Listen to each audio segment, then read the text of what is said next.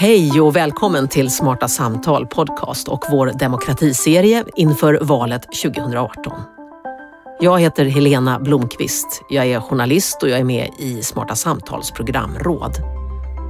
Den här gången har vi bjudit in ett antal personer från olika arenor i samhället som var och en under ungefär tio minuter på egen hand bidrar med sina perspektiv och personliga funderingar kring demokrati. Under veckan före valet publicerar vi ett avsnitt per dag. Men nu inledningsvis ett samtal med demokratiminister Alice Bah Kuhnke. Varmt välkommen hit. Tack så mycket. Mandatperioden går mot sitt slut. Hur har din syn på demokrati förändrats under de här fyra åren?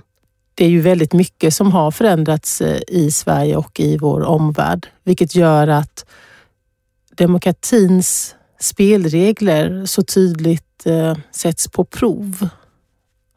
Demokratin ifrågasätts på ett sätt som inte var lika vanligt förekommande för fyra år sedan och ännu mindre vanligt förekommande för 10 eller 15 eller 20 år sedan. Um, för det är ju så att demokrati och vår demokrati är ju så mycket mer än allmänna val var fjärde år och att det är mer än rättsstaten och de fria medierna. Demokratin bärs ju upp av att vi människor har tillit till den, har förtroende för den. Och med all uppenbar tydlighet så är det ju fler idag än för bara fyra år sedan som har bristande tillit till vår demokrati, som ifrågasätter till exempel mediernas oberoende. Och vad tänker du kring det? Vad drar du för slutsatser när du konstaterar det? Jag drar många slutsatser eh, och som jag då ju har haft förmånen att konkretisera i arbeten och uppdrag till myndigheter och organisationer. Bland annat att vi måste med kraft eh, försvara den, främja den och förankra den. Bland annat genom att stärka det svenska föreningslivet som ju är plattformar för människors eh, kanalisering av engagemang. Allt för många människor i vårt land idag och särskilt allvarligt allt för många unga människor i vårt land idag känner inte att de har en plattform för att kanalisera sina idéer eller viljor. Många vet inte vart man ska vända sig eller vilka möjligheter som ju vår demokrati faktiskt erbjuder oss alla. Och därför har vi investerat eh, relativt mycket pengar och kraft i att just eh, informera och kunskapa kring alla de här fördelarna och alla de här förutsättningarna som faktiskt finns lokalt. Och samtidigt kan man ju säga att det finns mer arenor än någonsin ja. att uttrycka vad man tycker och tänker. Och då tänker jag förstås på den digitala utvecklingen och alla möjligheter som finns i och med den. Mm. Ja, och så är det ju.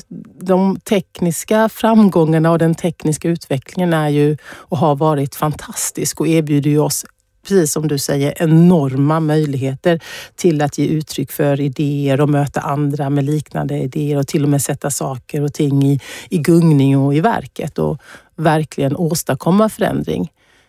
Och samtidigt, å andra sidan, så har ju den tekniska utvecklingen också hjälpt till eller varit ett underlag för att kunna sprida hat, slå split, eh, föra fram medveten desinformation.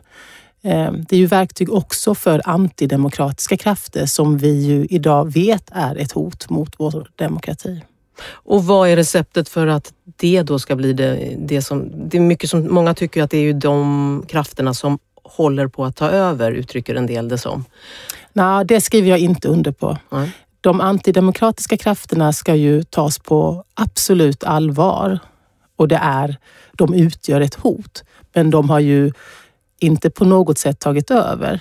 Men det vi behöver göra, vi demokrater, vi behöver ju mota dem och bryta ner dessa krafter som vill förgöra och förstöra. Och det gör vi ju genom att bygga tillit och det kan man göra på väldigt många olika sätt. Det är ju inte ett verktyg utan vi behöver ju använda en hel verktygslåda och det består ju alltifrån att föreningslivet får resurser som gör att de kan samla människor som faktiskt kan få känna på och se i konkreta handlingar att de kan påverka till exempel att man bygger ett, ett ungdomens hus eller att de äldre får möjlighet att eh, gå ut mer på dagarna på äldreboendet och så vidare. Mm. Men det handlar ju också om att vi behöver säkerställa att till exempel journalister kan arbeta och inte hotas till tystnad eller självcensur.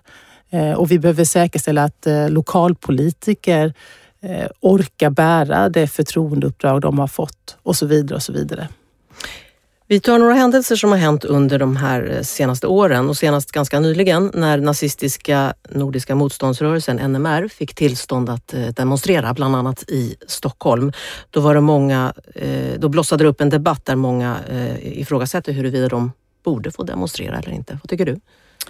Vi har åsiktsfrihet eh, i vårt land. Det betyder att även de mest fruktansvärda åsikter måste vi som demokrater eh, acceptera. Hur hemska de än är. Så människor får eh, hysa nazistiska, förgörande, eh, modiska eh, tankar och åsikter. Ska de också få demonstrera? Ja, det är där, här går ju sen då den tydliga skiljelinjen mellan att man får tycka och tänka vad man vill, men man får inte göra vad man vill. Och därför så har ju polisen ett, ett tydligt uppdrag och mandat att, att ge tillstånd.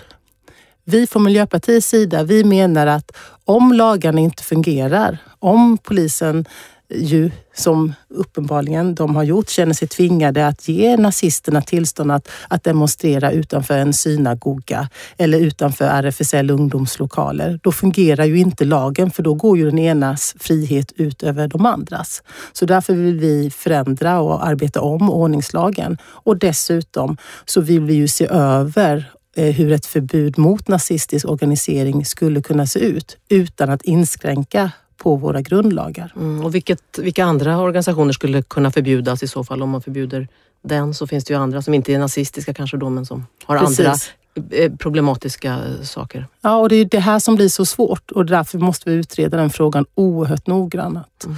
Eh, därför att det finns ju en risk som ju många delar att om vi börjar nagga organisationsfriheten i kanten, vem blir det till slut då som inte får organisera sig? Eh, enligt rådande normer om vad som är acceptabelt och inte. Så det här behöver redas ut ordentligt innan man sätter en sån lag i verket. Mm. En annan händelse fick stor uppmärksamhet, metoo. Eh, många tycker att det var en demokratisk rörelse. Vad tycker du? Ja, att människor organiserar sig och sluter upp. Denna gången på ett fascinerande sätt eftersom det verkligen också skedde digitalt och med en hashtag. Det är ju en, en absolut en demokratisk rörelse. Många tyckte också att det ledde till en häxjakt på män som hängdes ut på nätet och i media men som sen vid rättslig prövning visade sig oskyldiga till det de anklagades för. Eh, vad tänker du kring det? Ja, min grundläggande princip är att eh, två fel gör inte ett rätt. Det är ju helt avgörande att vi är en rättsstat och att vi som folk eller som eh, någon sorts eh, folkmobb eller domstol inte dömer utan att det är rättsstaten som ska döma.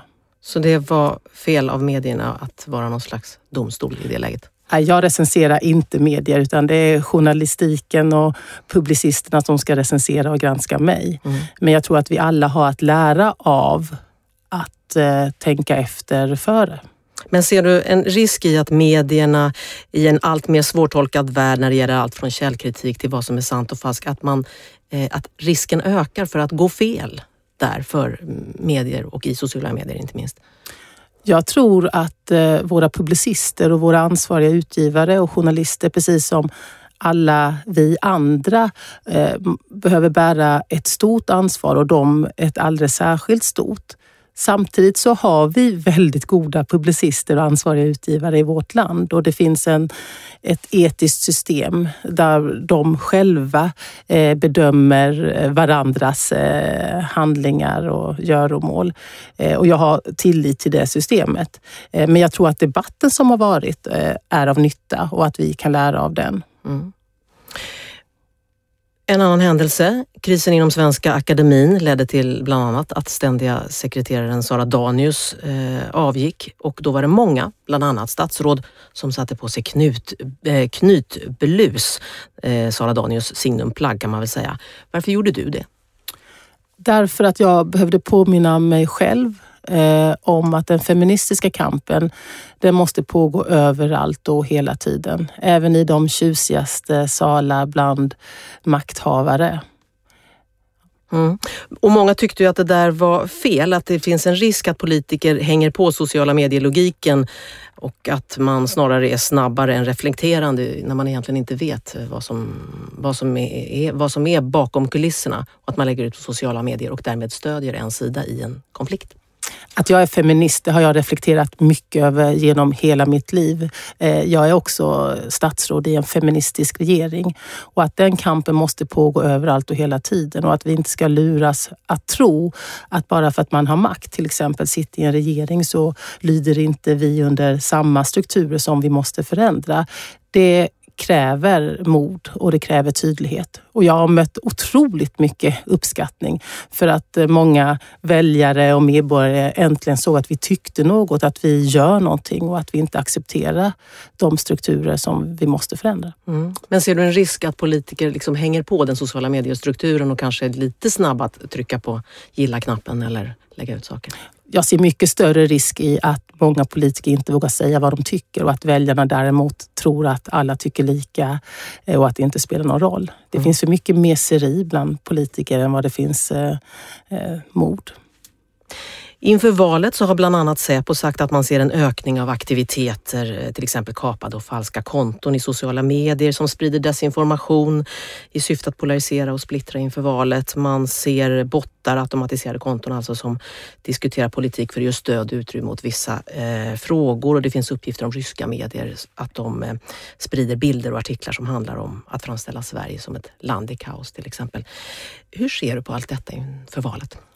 Det är tydligt identifierar risker att det finns eh, antidemokratiska krafter som, som vill slå split, som vill att vi ska börja misstro varandra, våra institutioner, våra myndigheter, våra politiker och olika makthavare i vårt samhälle.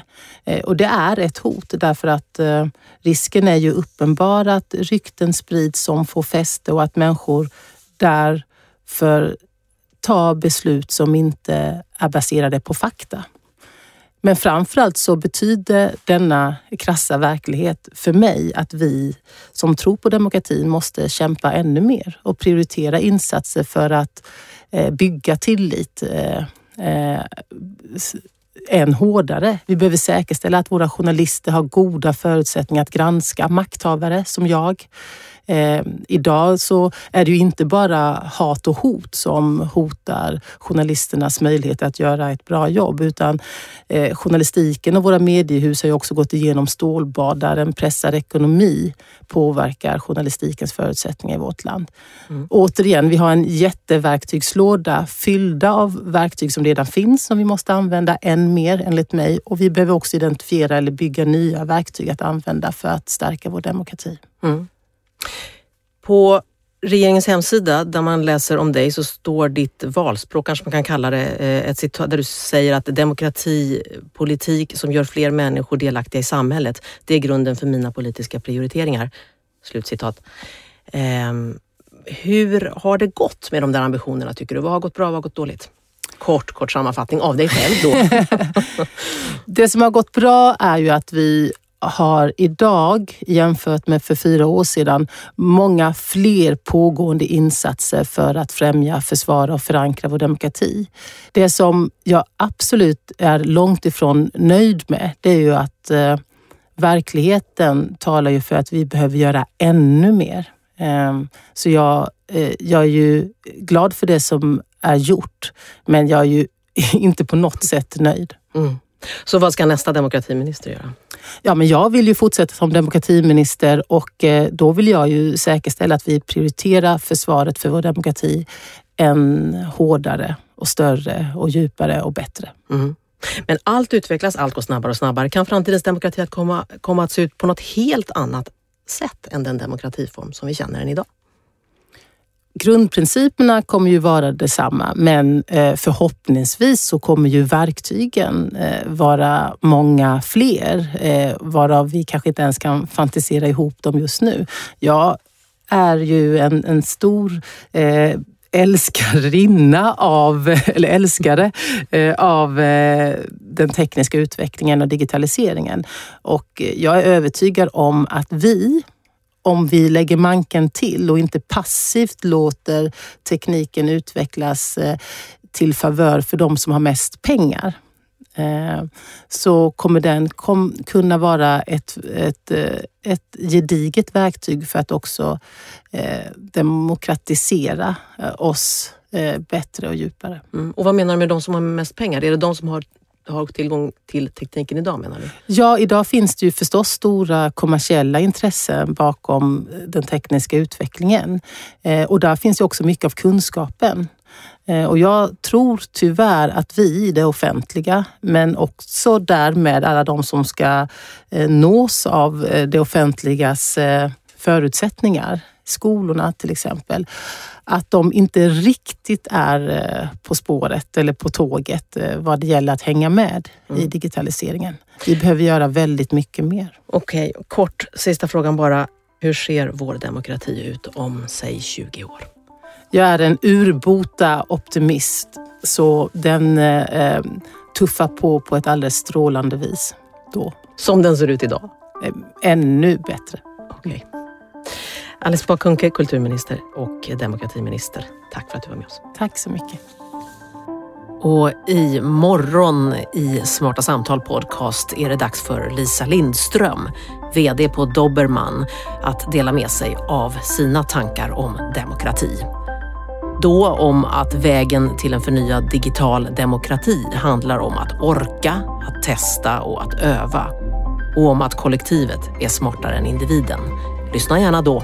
Tack för nu.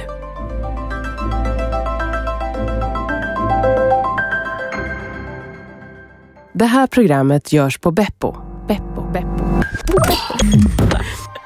Beppo.se